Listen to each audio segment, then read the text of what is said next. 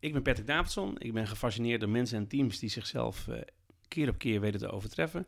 En ik vind het heel erg leuk dat ik nu te gast ben bij Arjen in de podcast Energy That Works. Welkom bij je break. Inspiratie voor professionals. Motivatie voor je werk.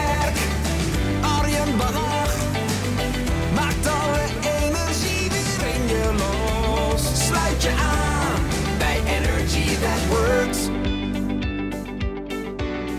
Ja, ja, ja, je bent er weer bij de vierde aflevering van de Energy That Works podcast. En ik vind het hartstikke gaaf dat je weer luistert. En zoals je in de intro hebt gehoord, heb ik dit keer een interview klaarstaan voor je met Patrick Davidson. En Patrick Davidson is onder andere van Energy Finder. Hij heeft ook een bedrijf dat heet Better Day. En wat hij doet bij bedrijven, hij is met name bezig om te kijken hoe ze daar energie kunnen integreren in hun werkzaamheden. En zo ervoor kunnen zorgen dat ze productiever, effectiever, creatiever, met meer geluk hun werk gaan doen. Uh, want Patrick gelooft eigenlijk ook in datgene waar deze podcast uh, voor is opgericht, namelijk dat alles begint met energie. Op het moment dat je energiek bent, goed in je vel zit, dan is het makkelijker om je gelukkig te voelen en daarmee ook betere resultaten te halen op het moment dat je aan het werk bent, maar ook uiteraard in je privéleven.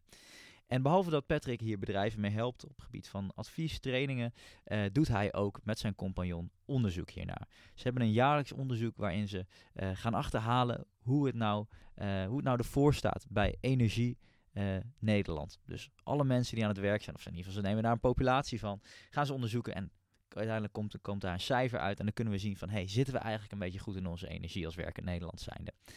En die uitkomsten, die zijn interessant. Hij gaat ze ook uiteraard met het delen in het podcast-interview, net zoals een hoop praktische tips en ook vooral de visie van waarom energie nou zo ontzettend belangrijk is. En uh, Patrick deelt het allemaal met ons, ook met hoe zij te werk gaan in hun, uh, in hun organisatie en hoe zij bedrijven helpen. En daar kunnen we ontzettend veel aan hebben. Kijk ook vooral even in de show notes, want Patrick heeft daar uh, een uh, link vrijgegeven waarin we wat materiaal kunnen downloaden om te kijken over hoe jij nou meer energie kan integreren. En ook uh, deelt hij daarmee de onderzoeken die hij jaarlijks doet. En die zijn best interessant om eens erop na te slaan, want dan kun je ook zien wat het eventueel voor jouw organisatie betekent en hoe jij daarop kan verbeteren. Ik ga je niet langer ophouden. Ik ga je introduceren aan Patrick en veel luisterplezier bij dit interview. Hoi hoi. Ik zit hier in Haarlem uh, naast uh, Patrick. En uh, Patrick, welkom allereerst. En mijn eerste vraag voor jou is: waar ben jij het meest trots op in je werk tot dusver? Poeh, leuke vraag. trots. Ja, wat mij, wat mij wel trots maakt is als ik zie dat, dat mensen met meer energie een sessie verlaten dan waar ze mee kwamen omdat het toch vaak over best complexe onderwerpen gaat. En uh, ja, ik ben er dan wel trots op dat wij dat eigenlijk heel, heel praktisch kunnen, kunnen maken. Oké, okay, want jij staat vaak voor groepen. Ja. En wat, wat is een beetje de gemene delen waar je over praat? Um, wij hebben het eigenlijk altijd over wat mensen echt willen. En in heel veel organisaties gaat het natuurlijk vooral over uh, ja, wat mensen allemaal moeten en dat ze zo druk zijn. En bij ons begint het echt met, uh, ja, met, met stap 1 van de vijf stappen uit ons boek. we halen de energie vandaan. Ja, wil je het echt? Dus dat is eigenlijk wel de rode draad. Dat is de rode draad, wil je het echt. En, en, en, het, en het kernwoord daarbij is dus, krijg je er energie van? Ja, want energie is de kracht waarmee je jezelf en anderen in beweging zet. Ja. En niet zomaar in beweging zet, maar om uh, prestaties neer te zetten. Zelfgekozen prestaties. Ja, interessant. En uh, energie is waarschijnlijk niet het allereerste woord waar je, wat je te binnen schiet op het moment dat je gaat nadenken hoe kunnen werkprocessen beter inrichten of hoe kom ik erachter wat ik echt wil. Dus even, even terug naar het verleden. Hoe is dat ooit ontstaan bij jou? Dat is uh, bij mij en mijn partner Hans ontstaan een jaar of zes, zeven geleden. Deden wij een, uh, een visie- en strategietraject ja. bij een, een succesvol, uh, succesvolle multinational. En daar leefde de visie en strategie niet. En toen werden wij gevraagd om, om te helpen. En wat ons toen opviel is dat we met, we gingen met twee teams aan de slag. Dat ene team was, ja, was net zo slim als het andere team. Maar de verschillen in prestaties van beide teams waren ongekend. Dus toen gingen we ons afvragen, hoe kan het nou toch dat het ene team zoveel beter presteert dan het andere team? Nou, die, die fascinatie voor prestaties, die hebben Hans en ik los van elkaar altijd al gehad. Mm-hmm. Maar daar deelden wij die voor, de, voor dat traject. Nou, en toen gingen wij het afpellen en toen gingen we kijken, ja. Ja, die mensen uit het ene team, die vertonen een heel ander gedrag. Ja, een hele andere, ook een heel ander energieniveau. En toen zeiden we, ja, wat is energie eigenlijk? Nou, en in die tijd, als je het over energie had, dat het een soort, uh, ja, Dat was net alsof je eh, over, over een smartphone sprak, eh, zeg maar vijf jaar Ja. voordat die uitkwam. Dus dat, eh, mensen begrepen dat niet altijd. Nou, wij zijn dat zelf helemaal gaan uitzoeken. Dus we zijn gaan, eh, gaan lezen. We zijn met zo'n beetje iedereen gaan spreken die wel iets met energie te maken had. En toen zijn we het voor onszelf op een rijtje gaan zetten. En eh, die zoektocht heeft tot eh, twee boeken geleid. Eentje heeft Hans eh, in zijn eentje geschreven, dat is Energy Boost. En daar is als eh, spin-off van gekomen, waar haal je de energie vandaan? Waarin we uitleggen wat energie is en eh, ja, waarom het zo belangrijk is en ook hoe dat werkt. Ja. Ja. Kan- je heel kort ons even meenemen in, want, want energie, we kennen allemaal energie natuurlijk in een totaal andere connotatie Ja. die we nu niet bedoelen. Maar dit gaat over energie wat je voelt. Ja. Ja, wat je voelt, wat je ziet, wat je beschrijft, wat je kunt meten. Maar wat wij altijd eh, als eerste doen in de sessie is vragen we, dan vragen we mensen, dus dan ga ik nou ook aan jou vragen, Arjen. Ehm, wat geeft jou energie tijdens je werk? En dan krijg ik nu de vraag, wat geeft mij energie tijdens mijn werk? Ja, Ehm, nou, voor mij is het eigenlijk, wat je net ook al zei, eh, ik zie het een beetje als een batterijtje. En ik merk gewoon op sommige momenten dat mijn batterijtje inderdaad voller raakt. Mhm. En wat voor mij eh, het meeste energie geeft, is inderdaad als ik voor een groep sta. En dan eerlijk gezegd, hoe groter, hoe beter. Eh, en ik zie inderdaad dat het kwartje valt. Dat hetgene waar ik in geloof, wat ik probeer over te brengen, dat dat andere mensen op een bepaal- bepaalde manier inspireert. Ja. En, dat, en dan, dan heb ik ook het idee dat ik zelf iets zinvols aan het doen ben, wat ik ook nog eens ontzettend leuk vind. Dus dat is voor mij eh, energie. nou, wat, een, wat een mooie is aan, jouw antwoord, is dat jij het al meteen echt naar je werk eh, vertaalt. Ja, Wij maken ook mee tijdens sessies dat mensen, ook al is de vraag heel duidelijk gesteld, het helemaal niet over, eh, over werk hebben. En dan is daarna de vraag die wij stellen, en wat zijn er de momenten dat je het ook op je werk ervaart? ja, Nou, en dat was in het begin, schrokken wij er wel van, een paar jaar geleden, ehm, dat mensen die thuis heel veel energie hebben en in de avonduren bijvoorbeeld een, eh, een webwinkeltje hebben waarin ze, ik noem maar wat, eh, wijn importeren en exporteren, ja. dat ze in het systeem waarin ze acteren helemaal afgehaakt waren. Nou, daar, daar schrok ik van, omdat eh, ja, dat is zo zonde, want weet je, elk mens verdient het gewoon om, ja, om zelf de kracht te hebben om zichzelf op te laden. En dan vooral om te presteren wat je wilt presteren. En ja, dat is wat ons heel erg bindt, Hans en mij. Mhm. Fascinatie voor prestaties. En, en dat had ik als kind al. Ik, ik was als kind helemaal gefascineerd door Peter Post. Het zal voor jouw tijd zijn, maar... Dat is met het blauwe busje die eh, de brieven rondbrengt, toch? Of Nee, nee, nee, nee. ben ik niet helemaal... Dat is, eh, een, dat is een tekenfilmserie van na mijn jeugd. is dat, nee, dat Peter- is Pieter Post. Ja, dat is Ja. Pieter Post, ja. Nee, Peter Post was een, was een wielrenner. Oh, En later een ploegrij- ja, ploegleider. ja, Ja, dat was voor mij zo'n icoon. En waarom? Die man die zag er altijd helemaal strak uit. Nou, en dat is alleen interessant Ja. als de prestaties ook goed zijn. Ja. Want anders heb je gewoon met een, eh met een mannequin te maken. Ja. Maar deze man presteerde ook altijd geweldig. Hm. Eerst als wielrenner en toen als, eh, als, als ploegleider. Nou, en dat heb je als kind natuurlijk ook met je vader. Dus je denkt, hoe kan mijn vader dit allemaal? Hoe kan mijn moeder dit allemaal? En ja, die fascinatie voor hoe kan dat nou toch dat sommige mensen in teams zo ontzettend goed presteren? Ja, daar, eh, daar zijn we ons helemaal op gaan toeleggen, Hans en ik. En toen hebben we in 2015 twee bedrijven opgericht. Better Day, waarmee we mensen en teams helpen om versneld te veranderen. Mhm. En Energy Finder om eh, ja, mensen en teams eh, te activeren. Ja. En dat kan zijn door middel van een, een blog, een boek, een workshop. En het kan ook zijn een powerclass waarmee we versneld leren mogelijk maken. Dus wat we doen is eigenlijk meten, activeren en, en leren. Mooi. En, en misschien nog eens terug naar dat, naar dat ene moment dat jullie daar in, eh, bij die grote organisatie zitten, Ja. die twee teams. En je merkt op een gegeven moment, oké, deze verschil, en volgens ons is dat energie, je gaat op onderzoek uit. Ja. Hoe is dat uiteindelijk afgelopen? Want hebben jullie dat andere team ook omhoog kunnen tillen qua Ja, beperkt. Kijk, de, de gedachte is heel vaak... Hè, eh, als je als externe in een organisatie komt... dan eh, krijg je logischerwijs wat, wat vragen van de leidinggevende. Hoe ga je ervoor zorgen dat dit team... Nou, allereerst, wij kunnen wel helpen. Maar eh, weet je, wij kunnen geen, geen, het onmogelijk kunnen we niet eh, mogelijk maken. Nee. Dus je kunt er alleen uithalen wat erin zit. Ja. Nou, wij, wij geloven helemaal niet in top-down. We geloven helemaal niet in moeten. We geloven ook niet in one size fits all. Nou, waar geloven we dan wel in?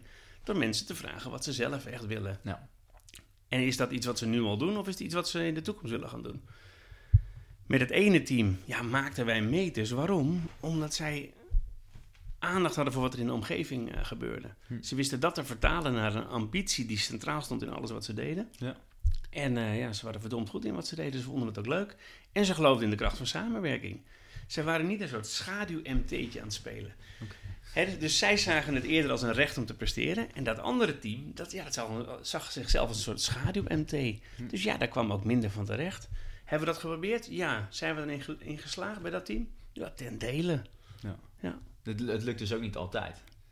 Eh, om, om, te, zo- dat je, dat, om die energie aan te wakkeren. Want dat is op zich wel interessant. Je ziet bij sommige organisaties gaat het blijkbaar makkelijker dan Ja. bij andere. Nou is het wel zo dat wij het geluk hebben dat de laatste jaren de organisaties die ons weten te vinden, dat die al in, de, in, in, de, in onze mindset denken. Oké, Dat wil niet zeggen dat het dan gaat werken met elk team en elke medewerker. Maar is dat erg? Ja, dat weet ik niet. Wij richten ons echt op de positieve uitzonderingen. Ik heb liever één klant die erin gelooft, dan drie bedrijven die ik moet gaan zien eh, te overtuigen van ons gedachtegoed. Nee, Ja. dat, eh, dat hoeft niet. Ik bedoel, eh, ieder kiest waar hij waar die in gelooft. en, en wat, wat is dan dus een, een voorbeeld van wat heeft een bedrijf nodig? Wat voor kenmerken om te zorgen dat ze al een beetje in die mindset zitten waarvan jullie denken, hé, hey, dit gaat de goede kant op. Hier kunnen we wel mee. Nou, soms weet je niet dat de oplossing ligt op het gebied van energie, gedrag en prestaties. Maar Nee. dan heb je gewoon een team dat is vastgelopen. Ja, Of je hebt een team waarvan je denkt, ja, het is een goed team, maar er zit meer in. En dus waren vorig jaar regelmatig teams, ehm, waaronder een bekende ehm, ehm, Nederlandse multinational, die, eh, ja, die had een heel goed, eh, heel goed verkoopteam. En dan was de vraag, hoe kunnen we onze volgende piek gaan bereiken? Ja, dan is het interessant om te kijken, waar krijg jij als team eh, energie van? Waar Ja. zit de energie en waar lek je? En hoe verschilt dat binnen het team tussen de individuen? In het eerste gedeelte van zo'n workshop laten wij mensen dan zelf kijken naar het energieprofiel. Mhm. Dus dan moet je denken aan eh, in welke energiezone zitten we. Die energiezone-matrix uit ons boek, die ken je misschien nog wel. Dat geeft aan, heb je veel energie, heb je weinig energie? Is het Ja. goede energie, is het geen goede energie?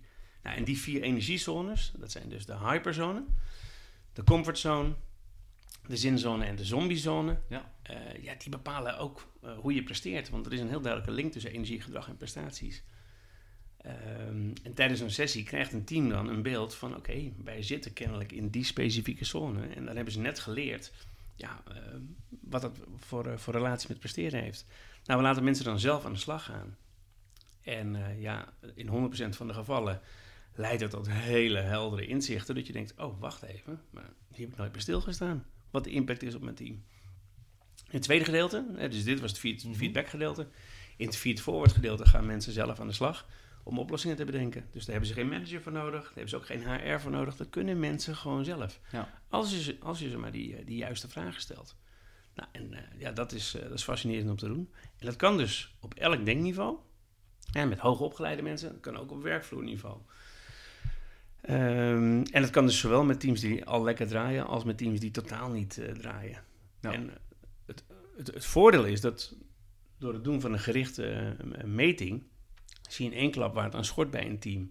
En dan hoef je dus niet met, een, eh, met alle teams op een cursus eh, werken aan vertrouwen, want dat hoeft helemaal geen issue te zijn voor eh 9 van de 10 teams. Interessant. Dus allereerst wordt inderdaad gekeken van, hé, wat het pijnpunt eigenlijk blootgelegd. Hoe zit het nou met die energiestroom? En vervolgens gaan jullie dan... En dat, dat vind ik wel heel, heel interessant, dat jullie zeggen van, we gaan het niet voorkouwen. Maar we geven ze gewoon de vrijheid en het vertrouwen om het zelf op te lossen. En, en aan de slag. Ja, je moet ons zien, tenminste, laat ik voor mezelf spreken. Ja. Ehm, ik ben een eeuwig stagiair. Dus dat is ook mijn beroep. Ik kom ergens binnen, ik ken de context niet. Maar wat breng ik, wat breng ik naar de tafel? Ja, dat is mijn nieuwsgierigheid. Ja. En oprecht interesse, dus ik ga vragen stellen. En mijn vragen zijn altijd bij zo'n energieprofiel. Ik leg het hier even voor je neus Ja. neer. Ja, wat, wat valt jou op? Dat vragen we dan. En heb je daar illustratieve voorbeelden bij? Ja. En dan laten we dat mensen in kleine groepjes eh, met elkaar uitwerken. Dan komen ze terug. Ja, en dat is het moment dat we van stagiaire veranderen naar mensen die ook echt die context daar eh, goed begrijpen. Ja. Ja. Interessant. En eh, ik ben wel benieuwd, want je hebt dan die vier zones, hè? de hyperzone, de zinzone, de, de zombiezone en de comfortzone. Ehm, jullie doen ook onderzoek. Waar, waar, zit, waar zit werk in Nederland nu een beetje? Nou, die cijfers die liggen hier voor je, Arjen, Ja, dus ja. Dan, dan mag je gelijk spieken. Je ziet dat de grootste zone, dat is de hyperzone. Ja. Dus dat is de zone, om hem even te schetsen, dan, ben je, dan zet je je voor 200% in, maar je doet niets met 100% aandacht. Dus je kan eigenlijk niet heel goed nee zeggen, want er altijd eh, eh, projecten of producten of overleggen bij komen in je agenda. Eh, dat is een vervelende zone. We bagatelliseren dat met z'n allen een beetje. Hè? Ja. En we verheerlijken ook dat we, dat we druk hebben. Komt hier ook een burn-out vandaan? Ja, een burn, dit kan een indicator zijn voor een, voor een burn-out, Ja. inderdaad. Of van verloop, of een ziekteverzuim. Maar hoe we er in Nederland mee omgaan, is dat wij... ja, we hebben het dan over druk, druk, druk. Ja. En eh, ja, het is eigenlijk veel belangrijker om dan door te vragen. eh, ja, hoe voel je je echt? Nou, met die, met die matrix, met die, met die, met die energiezone matrix, krijg je een eerste beeld van heeft iemand veel energie, weinig energie, goede energie of eh, slechte energie. Nou, in die hyperzone heb je veel energie, maar je hebt ook veel negatieve energie. Ja. En dat is het moment, dan gaan wij onder de motorkap kijken, door middel van de energiebronnen. Ja, waar zit hem dat dan in? Ja. Nou, dan hebben we 20 energiebronnen, want om terug te komen op die zoektocht, wij kwamen op een gegeven moment tot iets van 154 factoren. Die van invloed waren op gedrag en prestaties, Ja. vanuit energie gezien. Dan probeer die drie maar eens in één Nou workshopje erheen te rammen. Dat, ja, dat- ja, exact. Je kan niet 154 knoppen eh, neerzetten voor een, eh, voor een professional of voor een manager of voor HR. Dus we hebben dat teruggebracht naar, eh, ja, naar vijf, vijf aandachtsgebieden. Dat zijn positieve emoties. Eh, dus dan moet je denken aan optimisme, enthousiasme, autonomie, zelfvertrouwen. Kortom, wil ik het en kan ik het? Mhm. Wordt vaak vergeten hè, om, om dat centraal te stellen. Ja. Wij beginnen er altijd mee met die positieve emoties. Vervolgens eh, gaan we van emotionele energie naar eh, mentale energie. Dus dan heb je het over aandacht. In hoeverre zie jij je werk als een kans om, eh, om te leren? Ja. En heb jij een lange termijn visie die centraal staat in alles wat je doet? Die zie je hier, Arjen. Ja. Vervolgens het, het tweede kwadrant. Dan gaat het over ambitie. In hoeverre ben je in staat om je aandacht te richten naar die ene ambitie? Ja. Daar zie je dat veel energie weglekt in de Nederlandse eh, organisaties. En waarom? Dat heeft te maken met zelfdiscipline, wilskracht noemen wij dat in het model, en met progressiegericht werken. Dus het meten en bespreken van de voortgang. En is dat ook iets wat misschien op een beetje op het bordje ligt van, van, van, van, eh, van eh, de werkgever? Dat je gewoon je, je medewerkers goed moet activeren om te zorgen waar doe ik het eigenlijk voor? Dat je hun ook kan, eh, in kan spelen wat ze eigenlijk willen? Ja, ik vind dat, dat, bij, van, dat je dat van beide partijen Ja. mag verwachten eigenlijk. Ja. Eh, alleen als je een, werk, een werknemer continu overvraagt, en dat is de beleving die veel Nederlandse werknemers op dit moment eh, hebben, ja, dan als je dan heel gericht doorvraagt van in hoeverre richt je je energie echt op datgene wat je van plan was. Hè, dus bij zelfdiscipline en wilskracht. Dan zie je dat er een heel groot eh, lek zit, eh, Ja. energielek bij eh, Werk in Nederland. Hm. Dus kennelijk zijn we met z'n allen niet in staat om te doen wat we van plan waren. Ja. Nou ja, dat heeft te maken omdat we ons laten afleiden, de triggers van buitenaf. Ja. De laatste jaren zijn er ook nog social media, smartphones, al die dingen bijgekomen. Ja. Maar ook gewoon ja, nee, nee kunnen zeggen. En dan letterlijk hè, het, het durven en kunnen zeggen. Maar ook wel in de omstandigheid zijn dat dat geaccepteerd wordt. Hm. Dus vandaar dat het ook twee kanten heeft. Ja. Nou, als je naast wilskracht ook nog kijkt naar progressiegericht werken... dan heb je meteen de twee grootste eh, energielekken van werk in Nederland op dit moment te pakken. Hm. Dus dat gaat heel erg over, eh, ja, over, die, over die ambitie. Hm. Als je naar het, naar het spinnendiagram... en we zullen een linkje bij de podcast doen, denk ik, voor je luisteraars... Absoluut. dat ze kunnen zien, ik, eh, dat is pagina 6, zo te zien. Pagina 6 aan het spinnendiagram. Ja. En die linkerkant die is wel redelijk gevuld. Want Dat in Nederlandse leuk. organisaties weten we allemaal wel wat we ongeveer leuk vinden. En zijn we er ook wel goed in wat we doen. Ja. Het drive en, eh, en focus op sterkte, dus dat is wel in orde. En we kunnen ook nog wel aardig samenwerken. Maar juist aan die rechterkant, ja, aandacht voor je omgeving, dat vertalen naar een ambitie. Ja, dat, eh, dat kan wel wat beter. Oké, interessant. En dan, en dan, dan, dan leg je dit bloot en vervolgens, hè, dan hebben we het over die, eh, even kijken, de, vi- de vier, vier zones. En dan, dan Ja. gaan mensen vervolgens mogen aan de slag. Zetten jullie ze aan het werk. Ja. Eh, en, en ik neem aan dat de managers dan ook gewoon in één keer in de rol van collega zitten en niet Ja. meer... eh, Het is heel simpel. eh, daarom was het zo leuk toen we het net hadden over waar moet een organisatie aan voldoen. Nou, organisaties moeten niks. Hè. Het gaat alleen maar om willen. Ja. Maar wij hadden laatst een, een veertiental sessies binnen een grote organisatie. Een goed presterende organisatie, waarbij mensen heel erg de link aan het leggen waren tussen energie, gedrag en prestaties. Nou, dan kom je logischerwijs bij een Energy Finding Workshop uit. ja. En toen was de vraag van de leidinggevende, hoe wil je dat wij ons gedragen tijdens de sessie? Ja. En was ons, ons antwoord heel simpel, eh, ja, gewoon als deelnemer. Ja. Want het gaat erom ja, wat een medewerker zelf vindt en, eh, en wil. En eh, ja, daar heeft hij echt geen HR en geen management voor nodig. Nee. Nou, je kunt je voorstellen, als je leidinggevende zich zo opstelt, ja, dat vergroot de kans met, met een factor tig natuurlijk op Ja. succes van zo'n zo'n sessie. En, en wat komt er dan vervolgens uit? Want dan gaan ze nadenken over, oké, we zitten blijkbaar in deze zone. En dan gaan ze aan de slag met ideeën. Ja. En eh, ik ben wel benieuwd wat voor ideeën ontstaan er en worden die ook Ja, daadwerkelijk tuurlijk. Nou, dat is leuk om te vertellen. Ehm, we beginnen dus met een, het beeld van energiezones. Hè, dat Ja. je dus echt een beeld hebt van, oké, als ik in die hyperzone zit, dan weet ik, dan presteer ik 27% minder dan gemiddeld. Ja. Dat is wel even goed om bij stil te staan. 27% minder dan gemiddeld. Ja. Nou, wij leven in een tijd dat je helemaal niet met gemiddelde überhaupt vergeleken wil worden. Nee. Maar 27% minder dan gemiddeld, dat wil je al helemaal niet. Nee, dat klinkt niet goed. Nee. Ehm, Nou, zoals ik het nu zeg, klinkt het heel eh, normatief. Maar het is echt aan een team en aan individuen eh, zelf, aan deelnemers zelf. Ja, of ze daar niet willen zitten. Daar, Mhm. ik, ik kan het een dag later toch niet gaan controleren. Nee. Dat ga ik ook niet doen. Nee. En de leidinggevende gaat het ook niet doen. Het mooiste is dat dan altijd eh, het gevoel ontstaat van... ja, maar dit willen we niet. Hoe gaan we nou weg? Hoe gaan we vanuit die hyperzone nou weg naar bijvoorbeeld de zinzone... Ja. waar 43% beter wordt gepresteerd Ja. dan gemiddeld?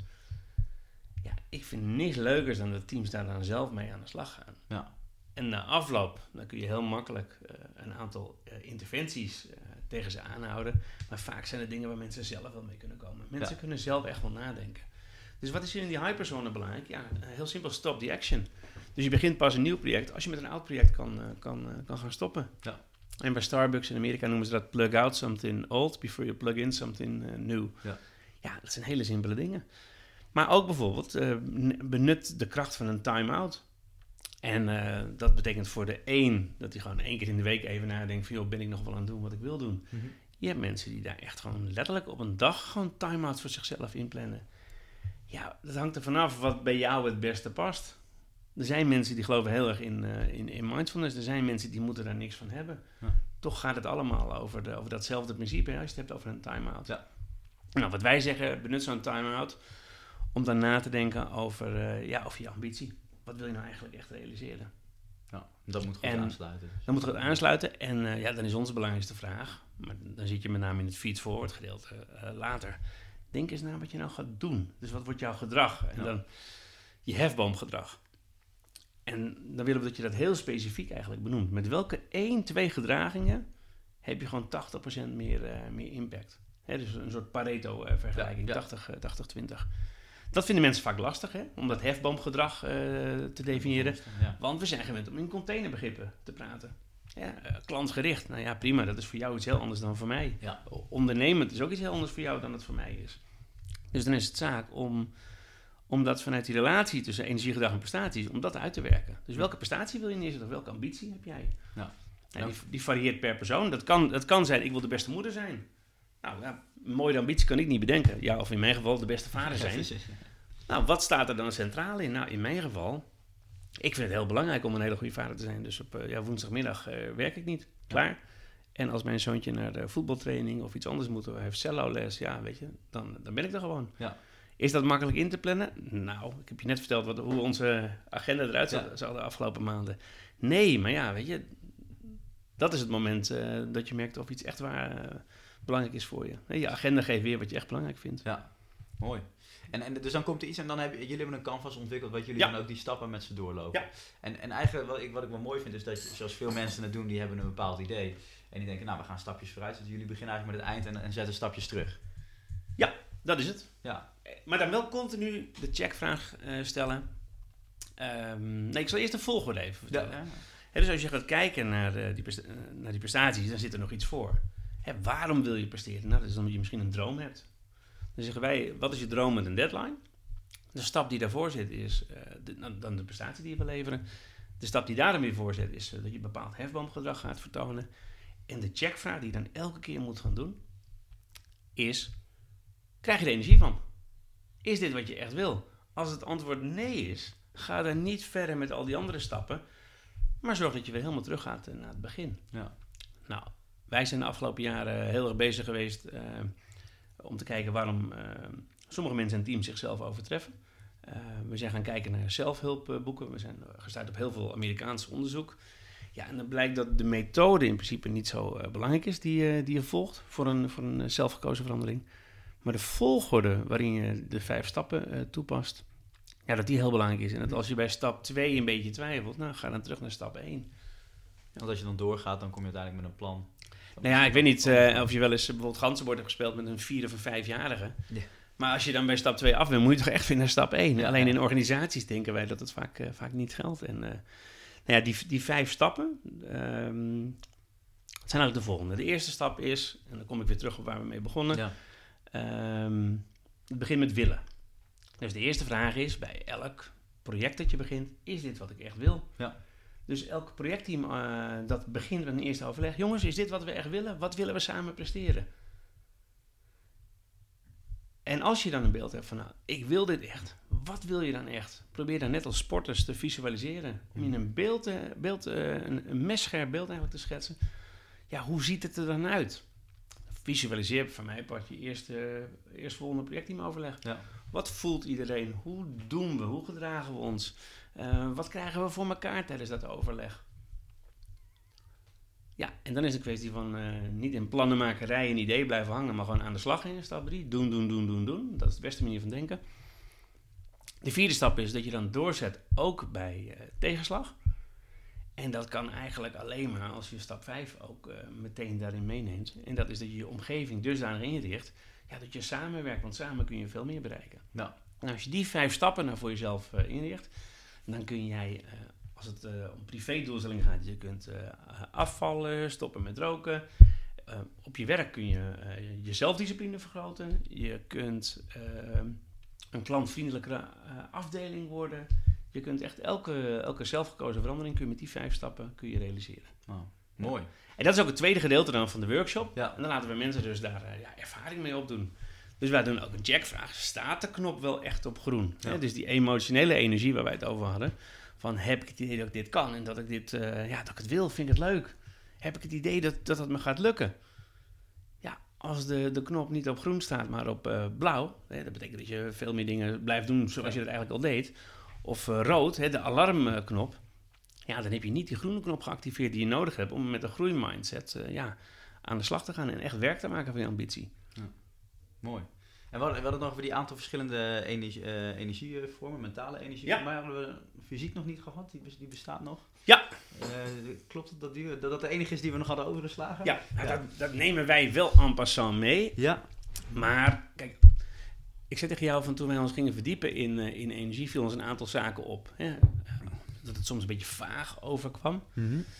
Eh, maar ook dat eh, de aanpak naar onze mening vaak totaal verkeerd was. Als je gaat kijken naar een term als vitaliteit, nou, op zich is het een fantastisch begrip. Ja. Heel vaak wordt het helemaal verkeerd aangepakt. Want dan wordt alleen de fysieke component van energie, dus eh, ja, goed eten, goed drinken, goed slapen, goed bewegen, Ja. die wordt dan aangepakt. En ja, dan komt er een topsporter bij je langs. Ja, en die, die zegt dan willen is kunnen en je moet bewegen. Maar dat, dat, ja, dat is een soort Postbus 51 toontje, ja, waar je mensen niet mee gaat krijgen. Nee, nee, nee. Nou, wat wij doen, wij nemen die fysieke component wel, eh, wel mee. Maar het is meer om gewoon wat crosschecks eh, te doen aan het einde. Dus eh, ja, net zoals wij, zeg maar, medewerker tevredenheidsonderzoeken. Ja, daar, kun- daar kun je ook helemaal niks mee natuurlijk. nee. Dan, weet je, misschien- dan, dan weet je of je medewerker tevreden is. Nou, prima. Ja. Maar ja, je, dat zegt niks over wat hij gaat doen. Nee. Ook niet wat hij gaat presteren. En energie heeft dan een voorspellende waarde.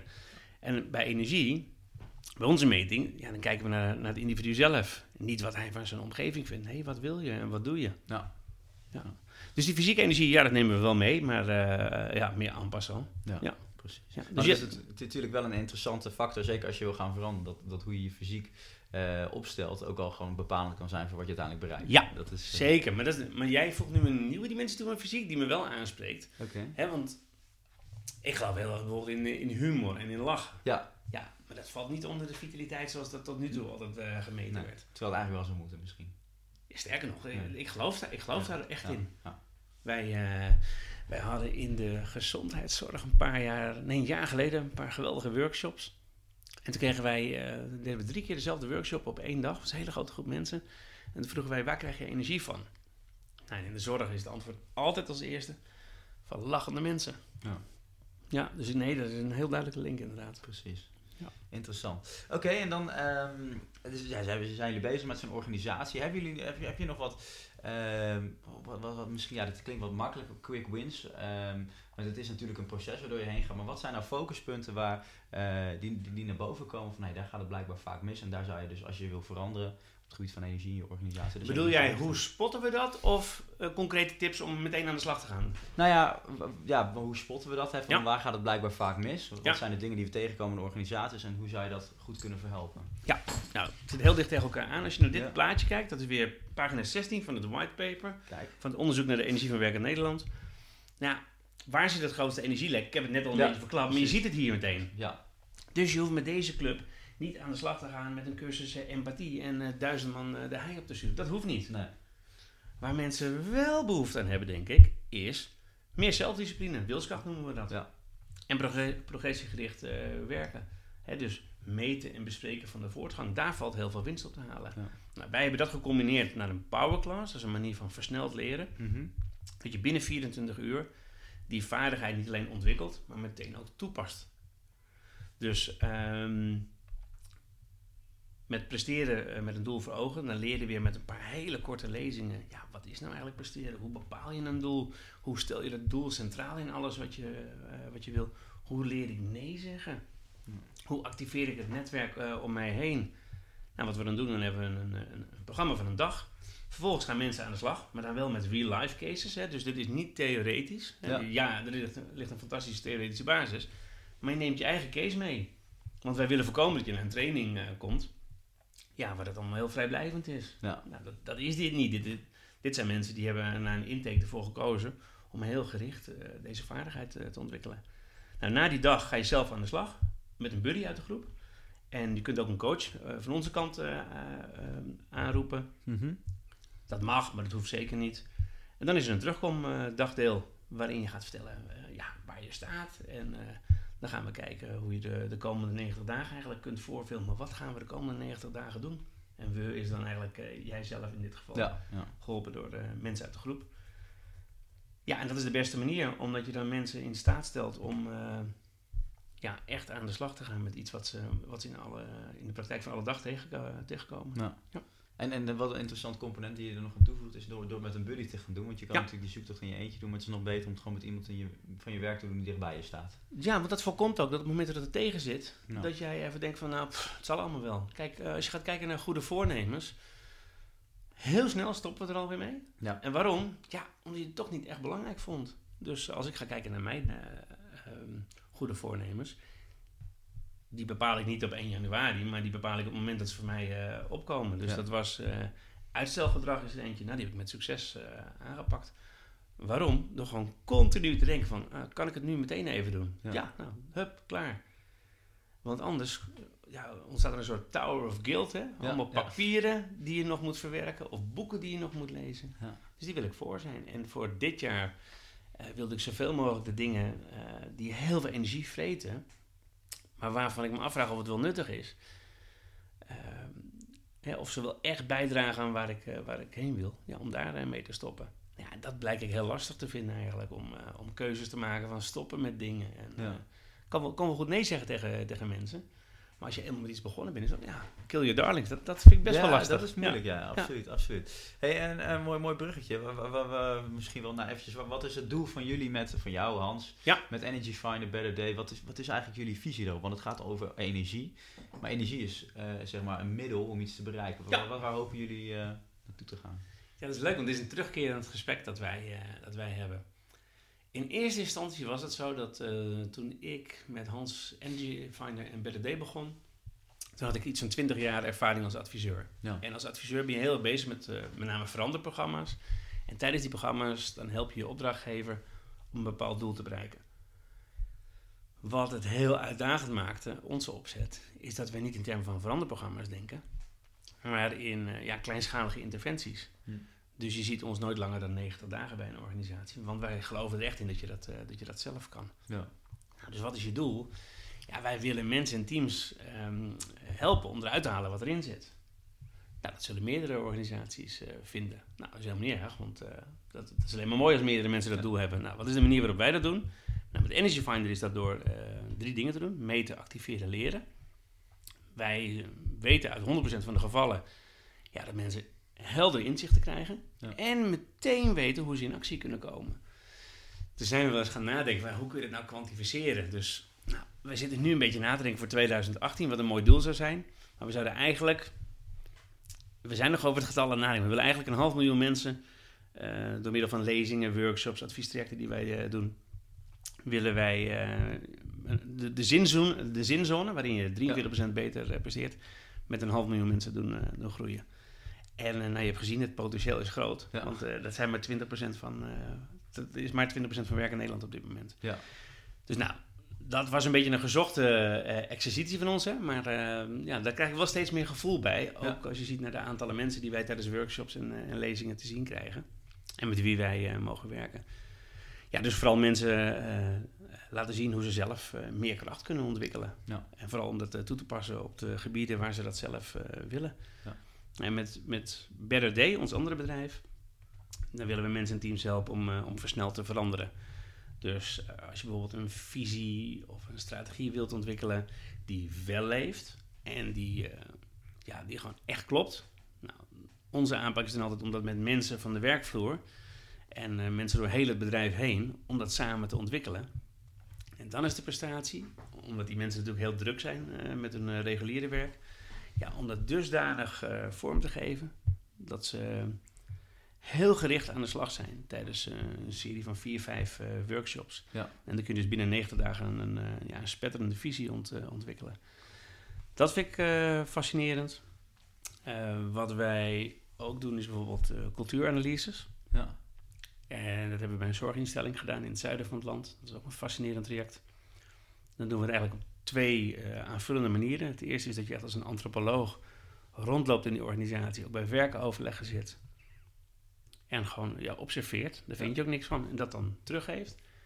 En de aanvullende methodologie die we daar eh, nog bij toepassen, is juist eh, de cultuur echt in beeld brengen dan. Door middel van, van kleuren. Ja. En dan gebruiken we het OKR-model van Robert Quinn. Ja, dat, is, dat, is- dat vind ik ook hele mooie klussen. En dan, ja, dan ben je een paar weken ergens binnen. Maar zeker als dat een zorginstelling is of eh, een andere club met eh, super intrinsiek gemotiveerde mensen. Ja, dat is geweldig om, eh, om te doen. Ja. Ja. Maar dus constant op zoek van hoe zorgen we dat het werk een stukje beter maken. Ja, werken, dat het werk beter wordt, maar ook leuker wordt. En dat het daardoor gewoon, ja, dat ze gewoon echt veel beter gaan presteren. Want dat is Ja. voor mensen leuk, maar ook voor de mensen die ze helpen, klanten, patiënten. Ja. tof. Oké, nou ik heb tot slot nog wat eh, one-minute questions voor Ja. je, Patrick. Ik ben benieuwd wat je daar... Het gaat over, niet zozeer over, over Energy Finder of Better Day, maar echt Ja. over jou als persoon. Ja. Want eh, ja, wie is nou degene die dit allemaal doet? Ja. Eh, allereerst, wie is jouw grootste inspiratiebron? Ja, dat is niet een wie. Maar? Dat nou, ik geloof heel erg in momenten. Ik ben echt een momentummens. Oké. Dus ik vind het heerlijk om op een podium te staan. Maar eh, als je het hebt over inspiratie, dan... eh, ja, dat, dat, dat zijn momenten, zijn dat voor mij. Dus ik kan in de auto op weg naar huis enorm geïnspireerd raken... door een interview van K. Schippers met eh, Frank van der Linden. Wat ik een hele goede interviewer vind. Maar het is niet zo dat Frank van der Linden voor mij een inspiratiebron is. Nee. Dan wel dat ik ooit een boek van K. Schippers heb gelezen. Ja, Maar het moment dat ik dan naar Kunststof luister en het gesprek tussen die twee mannen, eh, dat vind ik dan echt geweldig. Ja. Eh, dus dat is een inspiratiebron. Ja, boeken lezen, dat vind ik echt geweldig. Eh, ja, mijn vrouw en mijn zoon, eh dus, uh, Sebas en Sheila, ja, ja, dat zijn ook inspiratiebronnen. ja. En mijn vader eh, is dat eigenlijk ook altijd mijn hele leven geweest. Maar ja. het is wel een hele mooie gedachtegang die jij meegeeft. Een mooie draai van, oké, niet zozeer naar een persoon, maar kijk vooral de momenten. Want er is altijd toch een moment van een inspiratie van wat je raakt. Dus dat is interessant. Ja. Eh, aanvullende vraag ik dan wel in, in benieuwd naar ben. Haal je die momenten soms ook weer even terug? Of doe je daar dan ook wat mee? Als je dan een keer zo'n moment merkt, geef je dat iets speciaals mee? Ja, ik, maak, eh, ik luister heel veel naar podcasts. Echt Ja. heel veel. Dus eh, dat is voor mij ook heel makkelijk om ja te zeggen tegen jou. Ik, Leuk. gel- ik geloof heel erg in podcast. En nou, jouw formule geloof ik helemaal in, hè? Energy That Works. Ja. Ehm, wat ik doe tijdens het luisteren van podcast, omdat Apple er nog steeds niet in geslaagd is om daar een handige notitiefunctionaliteit aan toe te voegen, Ja. maak ik gewoon screenshots van de momenten waarop er een ja. geweldig quote is. Alleen tijdens het autorijden doe ik dat liever niet. Dus ik heb eh, een mapje schermafbeeldingen op mijn iPhone met ja, echt, echt momenten. Dus soms Leuk. pak ik gewoon even eh, de afbeeldingen map erbij. Ja. En dan ga ik dat even terugluisteren en denk oh ja, dit werd hier gezegd. Ja. Ja. En in een wat gestructureerde vorm werk ik soms eh, interviews natuurlijk ook uit. Ja. Die ik geluisterd heb. Ja. Ja. Dus podcasts eh, zijn echt een inspiratie. Ja, en heb je dan nog ook nog een tip? eh, als, je, als je dan denkt, hey, ik wil meer, dan moet je behalve deze podcast, welke podcast zou je dan ook moeten luisteren? Tof. Die zal ik in de notes onder Ja. deze podcast even zeggen. Want dat zijn er meerdere. Dat hangt er helemaal vanaf waar je van houdt. Ehm, kijk, dat zijn gewoon eh, radioprogramma's zoals Nooit meer slapen en Kunststof. Ja, ja, waar ik top. gewoon echt... eh, ja, maar dat zijn ook echt hele goede interviewers. Dat Ja. vind ik echt... eh, dan kan ik echt gewoon naar gasten luisteren waarvan ik van tevoren misschien niet had gedacht... nou ga ik even lekker eh Ja. even mijn tijd aan eh, besteden. Eh, ik moet zeggen dat ik heel veel Amerikaanse podcasts luister. Ik ben zelf heel erg gefascineerd door, door nieuw leiderschap. Dus mm, van die snelgroeiende organisaties uit Amerika, met name uit Amerika, maar ook Tel Aviv, Ehm, waar, ehm, ja, waar hele snelle groei wordt gerealiseerd. Nou, er zijn heel veel podcasts over. En als ik er eentje moet noemen, dan noem ik wel... Ik geloof dat het de Commonwealth heet. Dat is een podcast met... eh, die hebben allemaal geweldige sprekers. Zoals Thomas Friedman, Alec Ross. En eh, ja, dat, eh, dat zou wel een tip Ja. zijn. Ja. Hartstikke leuk, neem me mee. Wat wil jij nog leren? Oh, heel veel. Heel veel dingen. En als je één ding eruit moet pakken, wat is voor jou? Nou, waar ik elke dag mee oefen. eh, of niet elke dag, maar bijna elke dag. Soms word je wel eens wakker en dan denk je... Goh, wat moet ik vandaag allemaal doen? ja. Nou, dan geef ik mezelf even een, eh, een speedcursus, vijf minuten emotieregulering. Ja. Hè, dat ik de knop echt op groen eh, kan zetten. Ehm, en dat is er eentje waar ik elke dag wel mee bezig ben. Ja. Zeker als het druk is. Wat ik wil leren, eh, nou, keuzes maken, dat heb ik eigenlijk altijd wel heel lastig gevonden. Mijn manier om dat te doen is door gewoon eigenlijk daar heel veel tijd voor uit te trekken. ja. Hè, dus ik heb twee keer negen jaar ergens in, in, in loondienst gewerkt. Nou, dat was eigenlijk steeds hetzelfde patroon. Zeven jaar lang dat het geweldig was. En de laatste twee jaar eh, op de automatische piloot. Ja. Dat merkt niemand om je heen, want ja, je, je presteert goed. Want eh, ja, je kent het allemaal wel. Maar meestal is mijn vrouw dan degene die me wakker schudt en zegt van... Ja, je werkt nog wel leuk. Oh, heel goed. Ehm, dus dan heb je eigenlijk heel lang ergens over, eh, over gedaan om, de, om je daarvan bewust te worden. ja. Nou ja, en als je dan weet wat je niet wil, dan weet je nog niet wat je wel wil, zeg maar.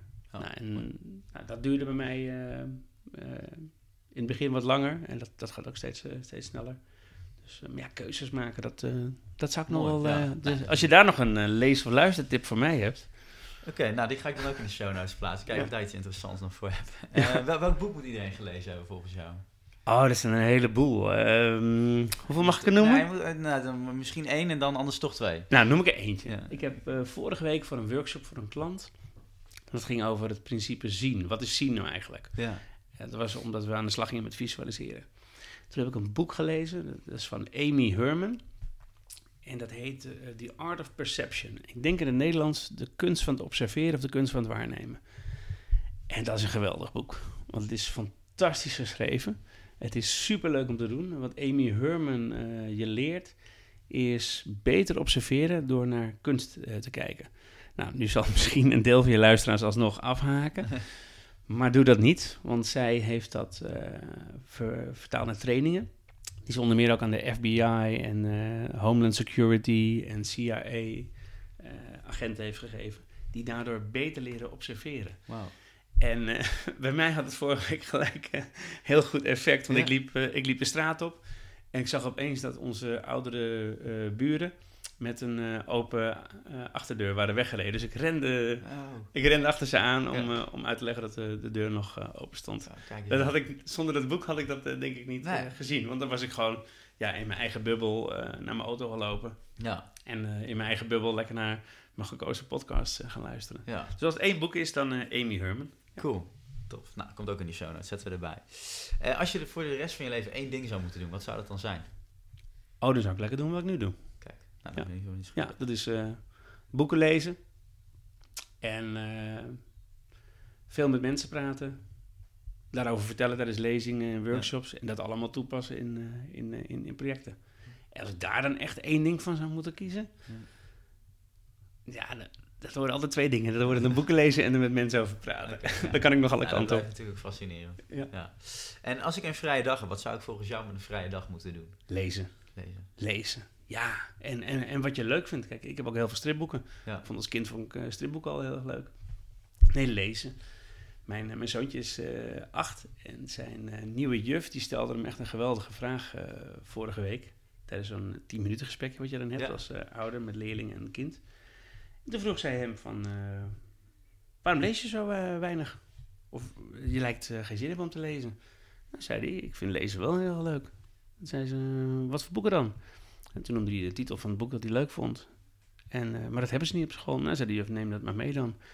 En dat vond ik, ja, vond ik een geweldige actie van, eh, van die juf. Ja. Want voor hetzelfde geld denk je, hé, hey, waarom leest dat eh, kind niet? Maar zij ging heel gericht doorvragen. En nou neemt hij gewoon zijn eigen boeken mee naar school. Ja. Want, ja. En dat vindt hij wel leuk. En dat vindt hij geweldig. Ja, goed. Gaat hij helemaal in zijn eigen fantasiewereld gaat hij in op. Ja. ja, fantastisch. Cool. Oké, de aller, allerlaatste vraag. Wat is de belangrijkste sleutel voor jou voor een energiek leven? Ehm, dan vertaal ik gelijk naar een oefening voor alle luisteraars. Ja. Het eerstvolgende overleg dat je hebt Ja. in je, eh, in je werk, en anders is dat eh, thuis. Ja. Kijk maar wat je doet. Durf eens even het aantal keren dat het woord willen wordt gebruikt versus het woord moeten. voor mij is dat echt een criterium om wel of niet eh, met een opdrachtgever in zee te gaan. Want eh, ja, als het gaat over moeten, weet je, we, we moeten niks. Het is gewoon erg belangrijk dat je de keuzes eh, maakt Ja. eh, voor de dingen die, je- die je heel graag wil. Dus, hey, ik had tot slot ook nog één vraag voor jou. Dat mag, dat mag. Wat, wat had je eigenlijk nog willen zeggen of vragen, maar ben je niet aan toegekomen? Omdat je heel erg in het moment zit en, ja, en naar mij luistert en ook je lijn wil vasthouden. Kijk eens aan.